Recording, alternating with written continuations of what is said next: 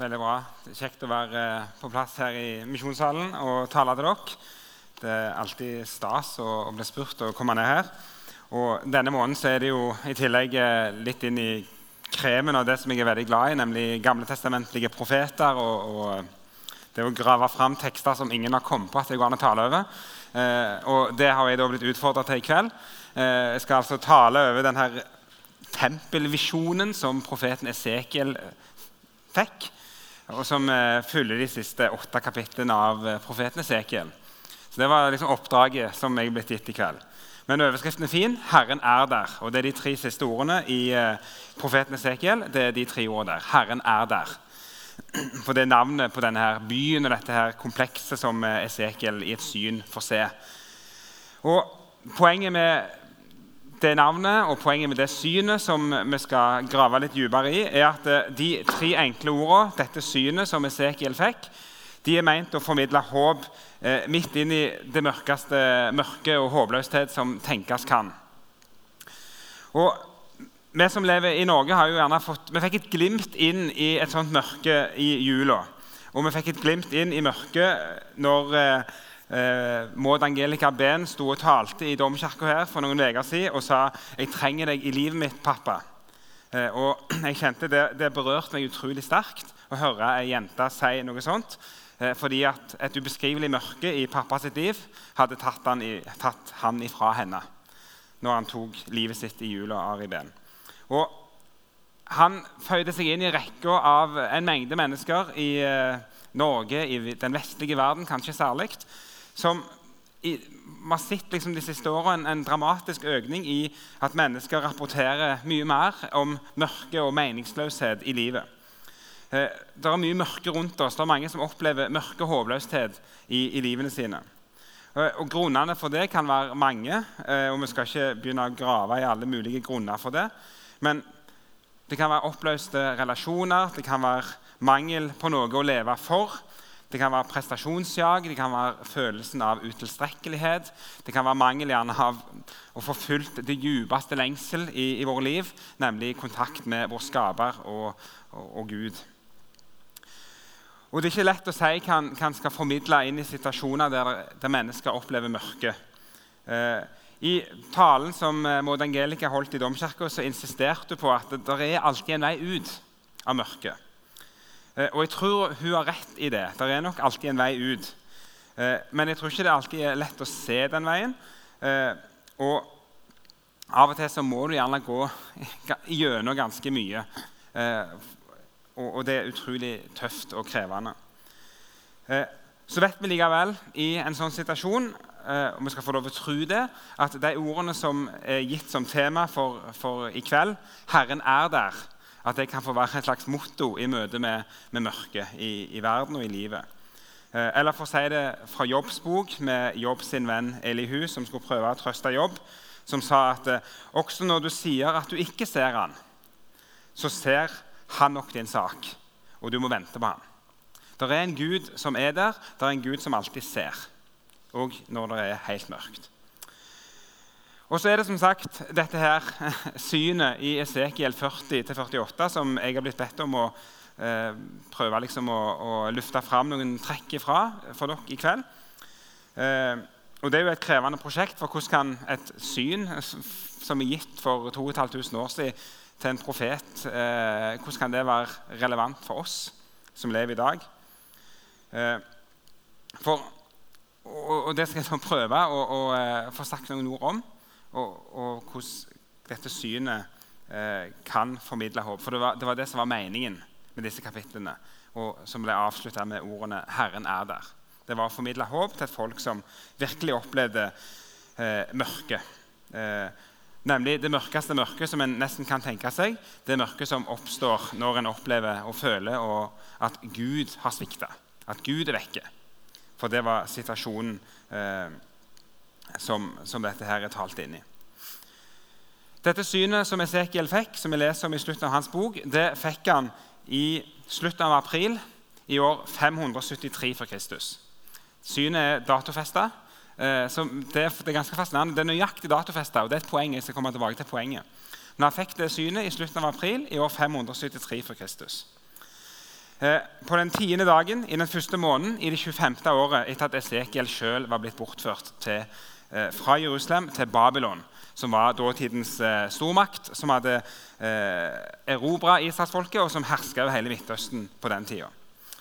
Og For at vi skal forstå kraften i det synet som profeten Esekiel fikk, så trenger vi å vite litt om tilstanden til israelsfolket som var der i Babel på denne, denne aprildagen, og som Esekiel var en del av.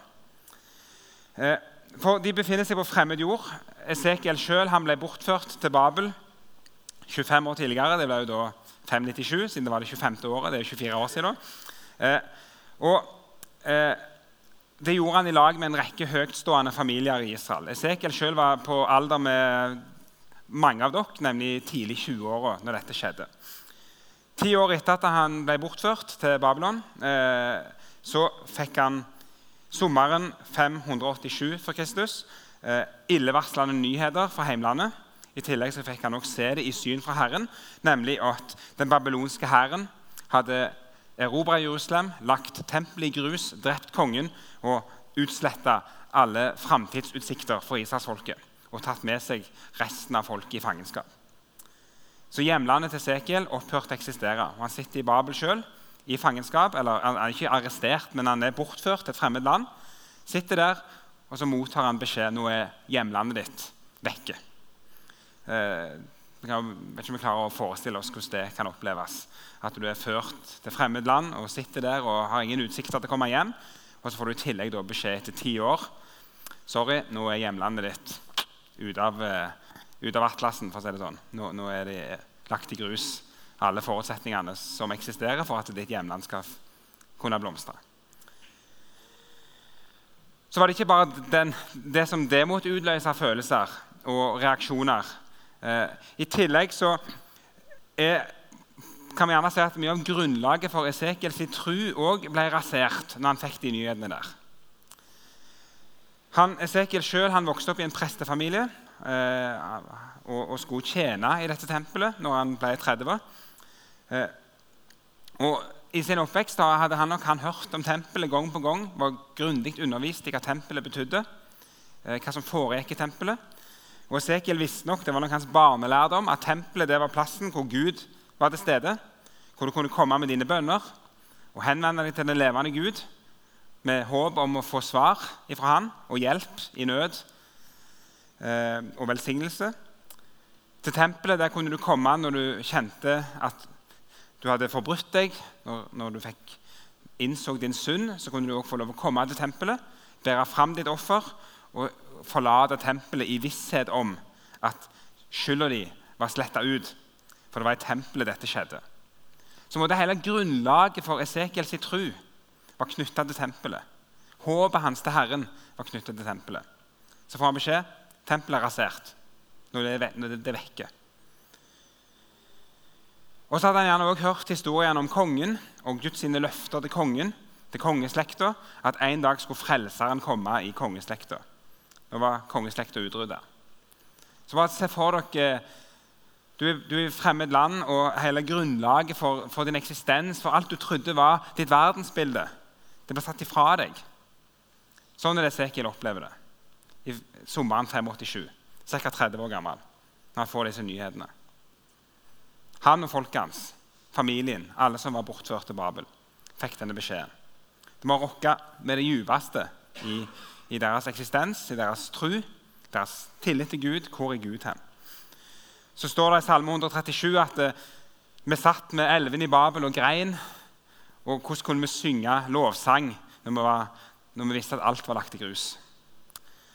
Og så synger de heller det som eh, vi har fått i Bibelen som Jeremias sine klagesanger, der det f.eks. står i Klagesangene 5.: Hvorfor skulle du glemme oss for evig, forlate oss for så lang en tid? Så Det er ikke lenger lovprisning og takk, men det er hvorfor glemmer du oss? Hvorfor forlater du oss?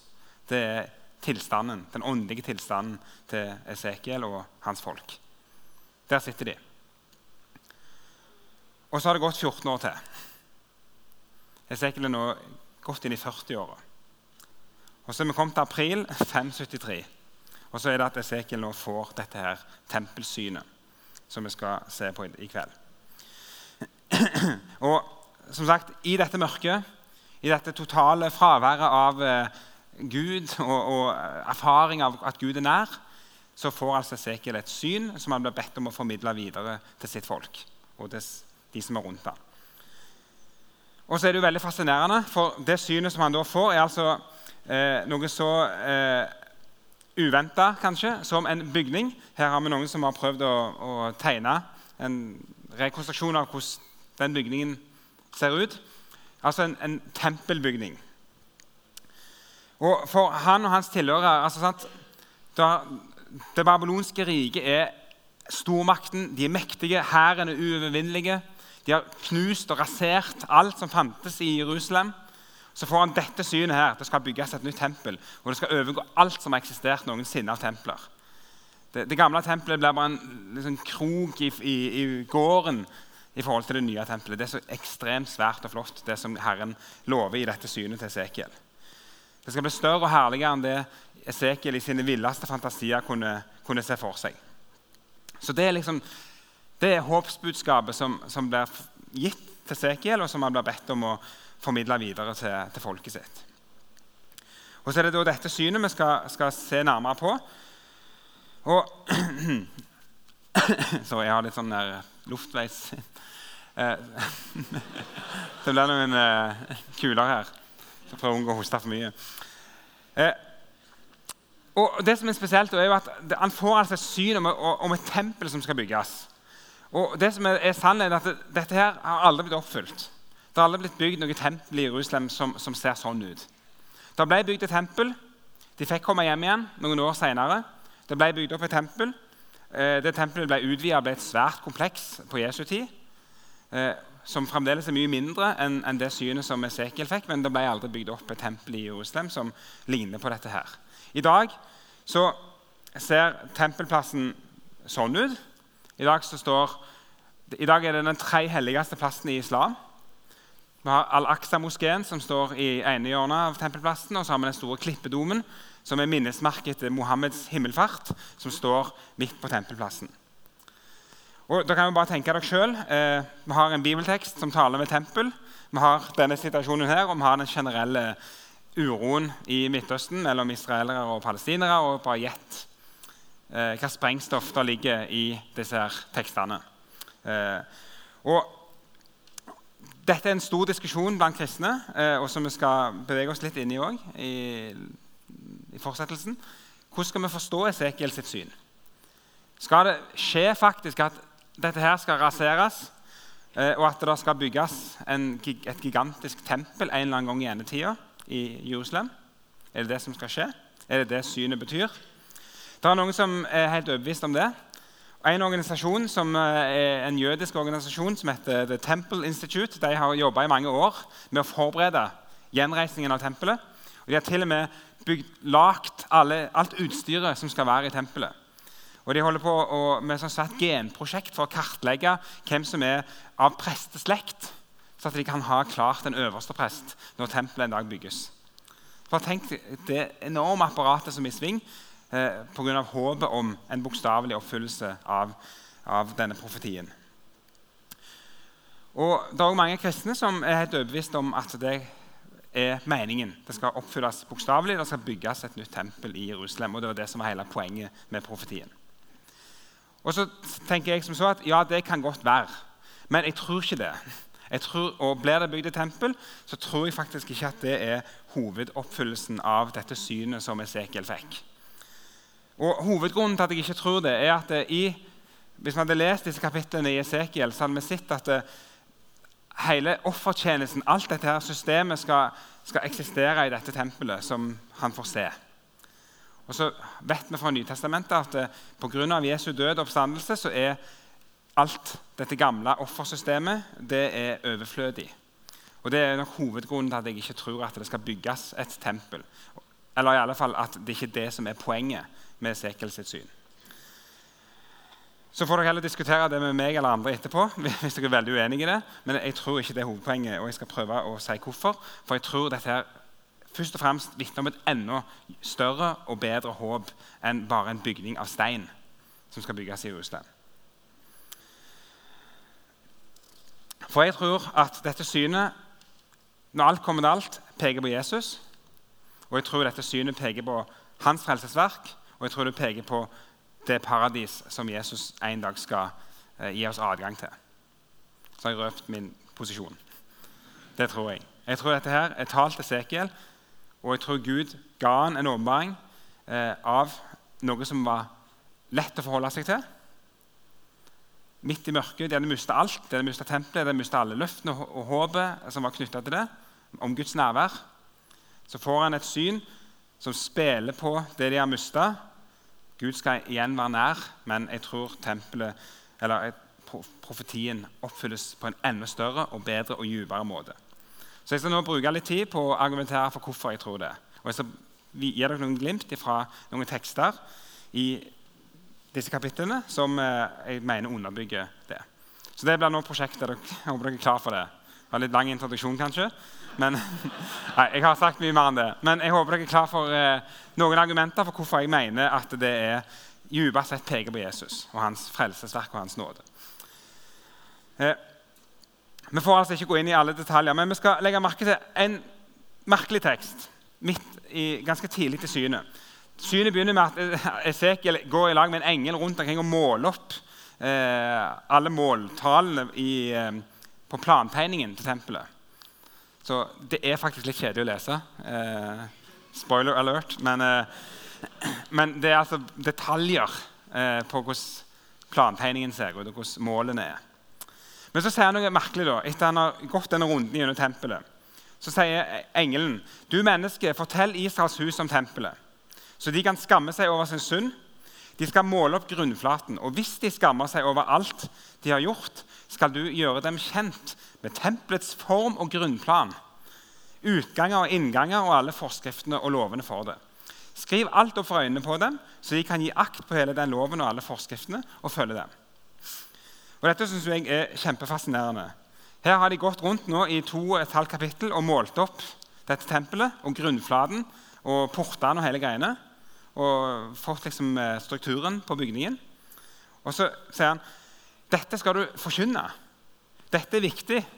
Og Hvis Israelsfolket kommer til den erkjennelsen at de skammer seg over sin synd, da skal du gi dem dette budskapet. Å, for en trøst! Hæ?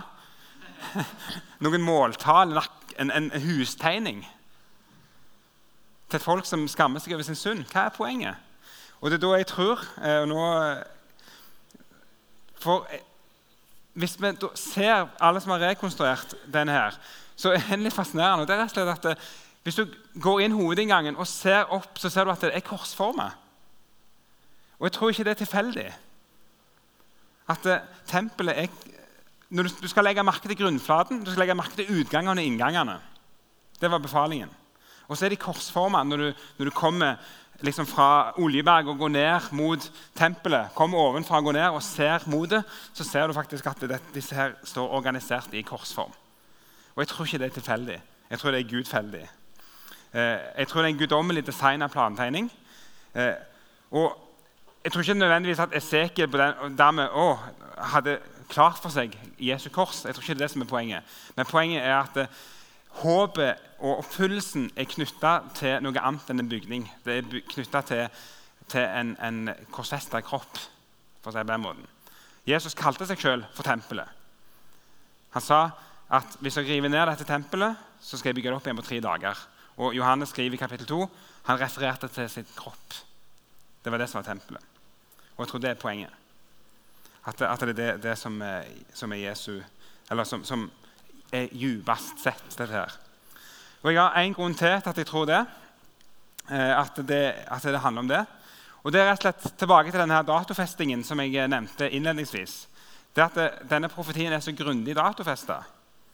Og Det som er litt eh, fascinerende, er at eh, den datoen, den tiende dagen i, den, i nyttårsmåneden til Israel, det er den samme dagen som er forordna i 2. Mosebok 12 som er den dagen der påskelammet skulle blinkes ut.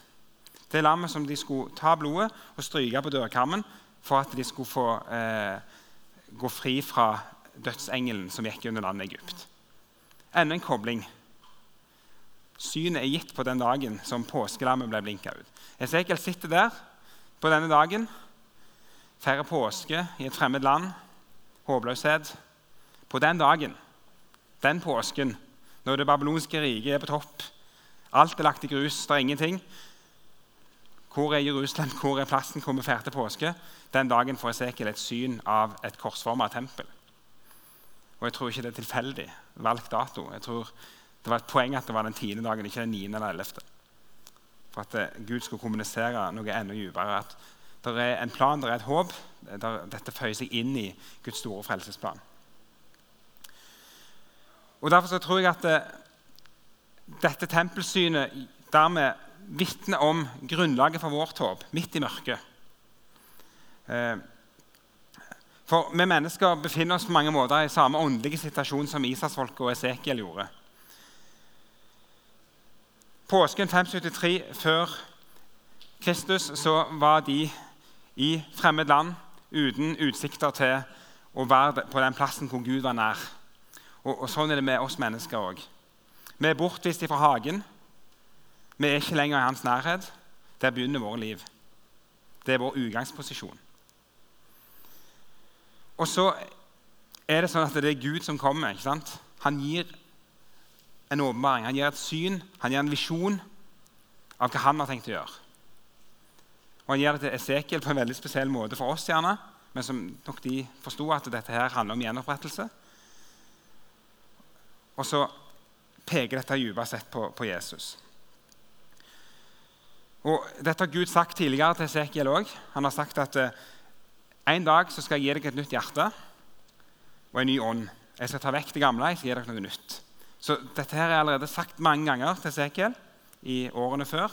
Og så toppes det med dette, her, dette synet her. Og jeg tror det er det samme med oss. Vi befinner oss på samme plass, i det samme åndelige mørket. Et hjerte av stein, fravær av Guds ånd i våre liv. Og så er Guds budskap og håp er at uh, dette har han gjort noe med. Uh, vi som var døde, har blitt gjort levende i Kristus ved troen på Kristus, på troen på Jesus. Han har grepet inn, han har gitt oss liv og håp. Og håpet er korsforma. Håpet er påskelammet. Håpet er Jesus. Så på den måten så tror jeg altså, og vil argumentere for at eh, Esekiel sin visjon dypest sett forankrer håpet samme plass som vårt håp. Og så skal jeg ta med noen trekk til. og for det neste jeg vil nevne, sant, Nå har vi sagt at Håpets grunn det er Jesu kors. Det gjelder alltid. Gjennom hele historien så har det alltid vært Jesu kors som er håpets grunn. I alt mørke, all atskillelse fra Gud, Jesu kors er håpets grunn.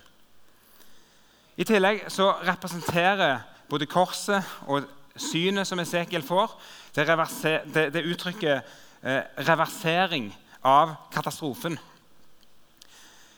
Eh, i, så dette blir neste ting. Sant? Reversering av katastrofen. I kapittel 43, rett før de versene vi leste i stad, så sier han en ting til.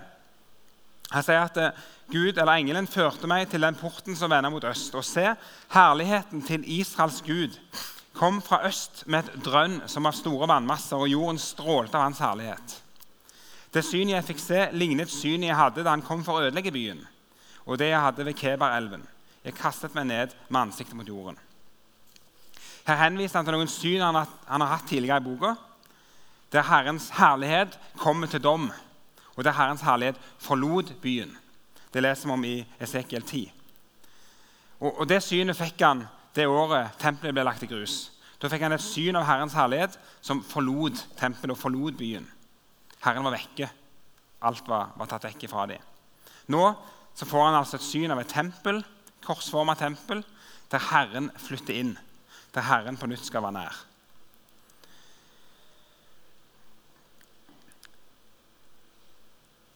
Så enda en gang så er Herren nådig mot Israel. Enda en gang så rekker han ut sine hender og gir løfter om eh, frelse og framtid. Så derfor, altså, 14 år etter at eh, tempelet ble ødelagt, 14 år etter at Esekiel fikk et syn av at Herren forlot tempelet, så får han nå et syn av et nytt tempel, og han får et syn av at Herren på nytt flytter inn i tempelet. For Herren kommer for å gjenopprette det som er ødelagt. Og som allerede sagt, og som jeg hakker på, Synet ble gitt samme dag som påskelammet ble blinka ut. Så vi ser at det her føyer det seg inn i en, en helhet der det peker på Guds gjenopprettelse av det som er ødelagt.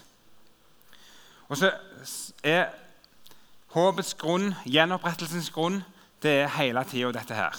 Det er det som Gud gjør. Det som Gud har gjort for oss i Jesus. Det gjelder for Sekel, det gjelder for oss. Og det er liksom som jeg ønsker å legge inn over dere, Dere må aldri vende oppmerksomheten vekk fra det. Utrolig viktig. Aldri vende oppmerksomheten vekk fra det. På korset skapte Jesus fred mellom oss og Gud. Og han betalte med sitt eget blod. Der var det Jesus avkledde ondskapen og makten og myndighetene og viste seg som seierherre. Der sletta han ut skyldbrevet som var lista opp med våre lovbrudd imot Gud og hans lov. Alle våre synder, alt vårt opprør, alle våre overtramp. Eh, alt som setter oss i skyld for Gud, ble betalt, utsletta av Jesus. Korset og den tomme grava er vårt eneste håp. I liv, i død, i mørke, på gode dager, på vonde dager. Det er det eneste håpet vi har. Derfor er det så avgjørende viktig at det ikke må være noe vi mister av syne. Og Gud er genial i sin pedagogikk fordi han, det, det forkynnes så, på så mange måter, med så mange bilder. Eh, her til og med i form av en bygning som peker på den samme sannheten. Det skal liksom ikke være mulig å unngå å huske dette. her. Han har gitt oss alle mulige hjelpemidler for å huske det. Men så er det så fort at vi glemmer det. Men så trenger vi så inderlig eh, at, vi, at, vi, aldri gir slipp på, på den sannheten.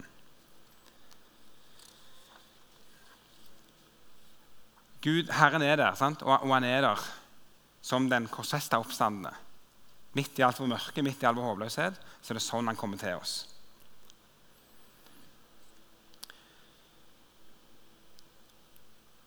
Det var det første jeg ville understreke. Eh, at dette peker på Jesus. Og Jeg kan jo bare nevne en detalj til. Bare legg merke til den elva som renner. Skal komme straks tilbake til den. Så kan vi gjerne bare huske at Jesus også snakker om, om eh, livgivende vann som renner ifra han. Eh, så selv den er med å peker i den retning. Men så tror jeg at det, dette her er som, denne profetien er som alle andre GT-profetier. Eh, ofte de, har de mange lag i seg, eh, og de oppfylles, eh, kan oppfylles flere ganger. for å si det sånn. Og Jeg har lyst til å gi dere litt grann, eh, om hvordan denne visjonen, denne profetien, også peker imot vårt endelige og avsluttende håp. Eh, håp om det paradis som Gud en gang skal, skal la oss få ha del i. Og Da begynner jeg med denne bekken som renner. Vi leser om den i kapittel 47 at fra alteret i tempelet som Esekiel får se, så renner en bekk.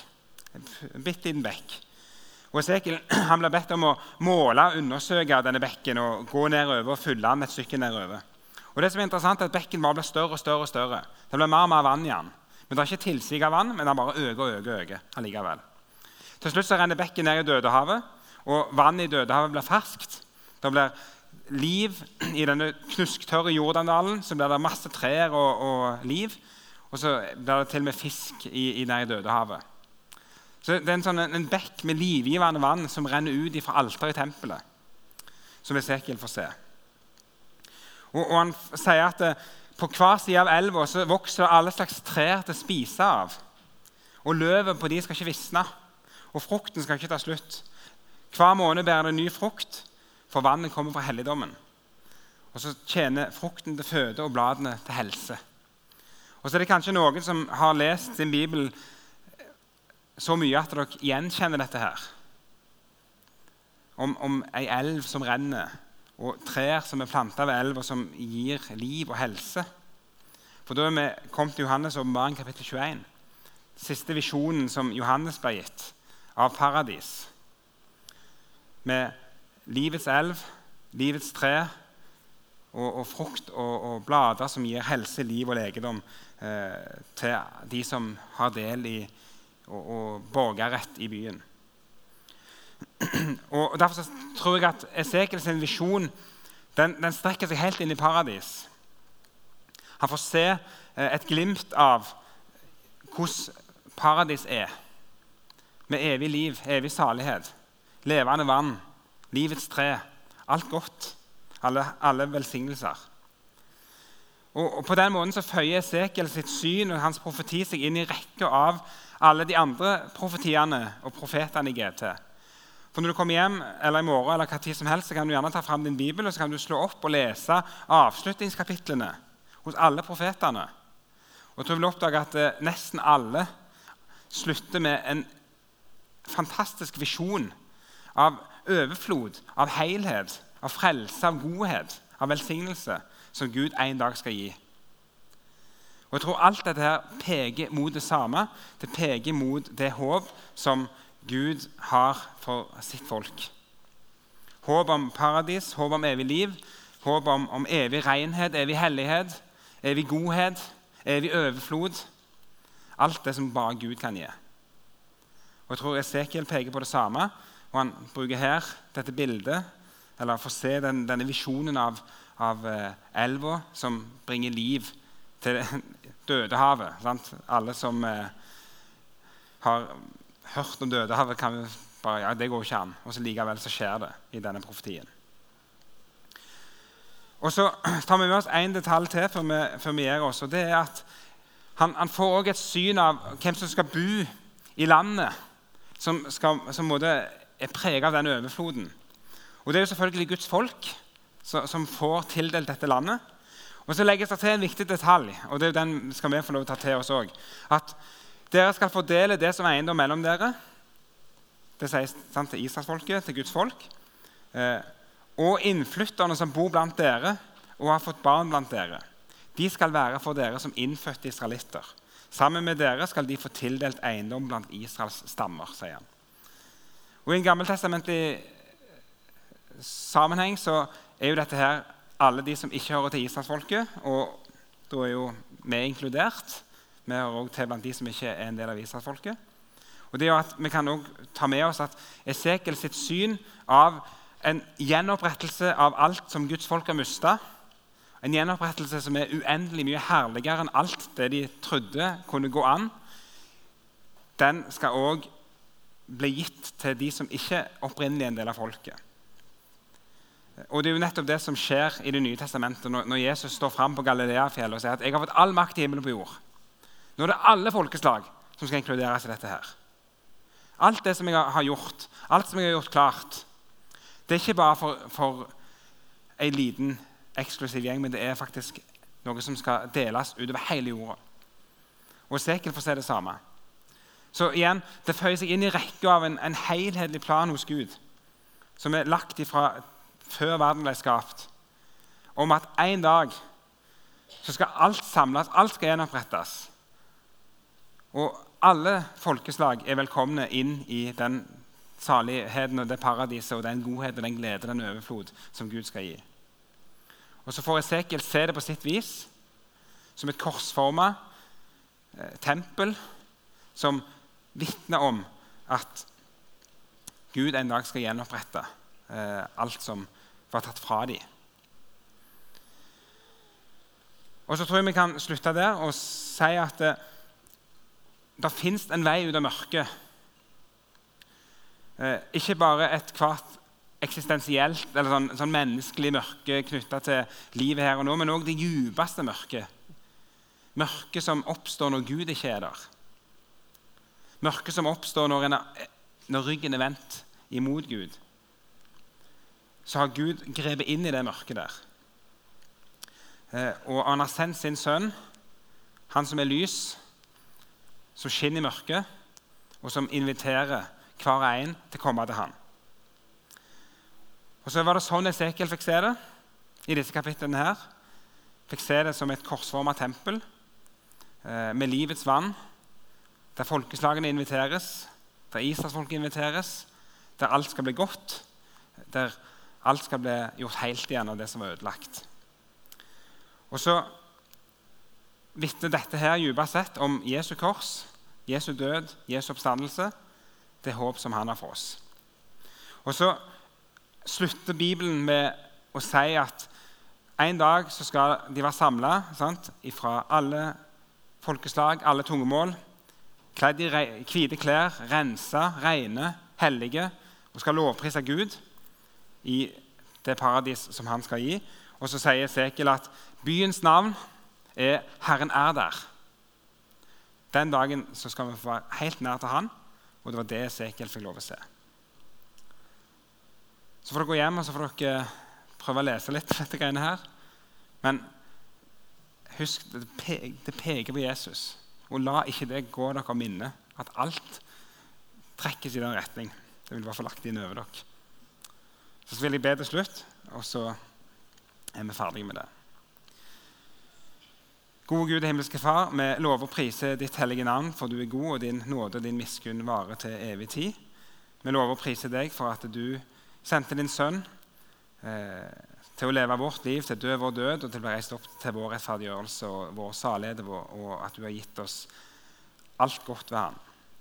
Og takk, Herre, for at vi en dag skal få samles til fest i ditt rike, i din by, og at navnet på byen er 'Herren er der', og at vi da skal få være sammen med deg.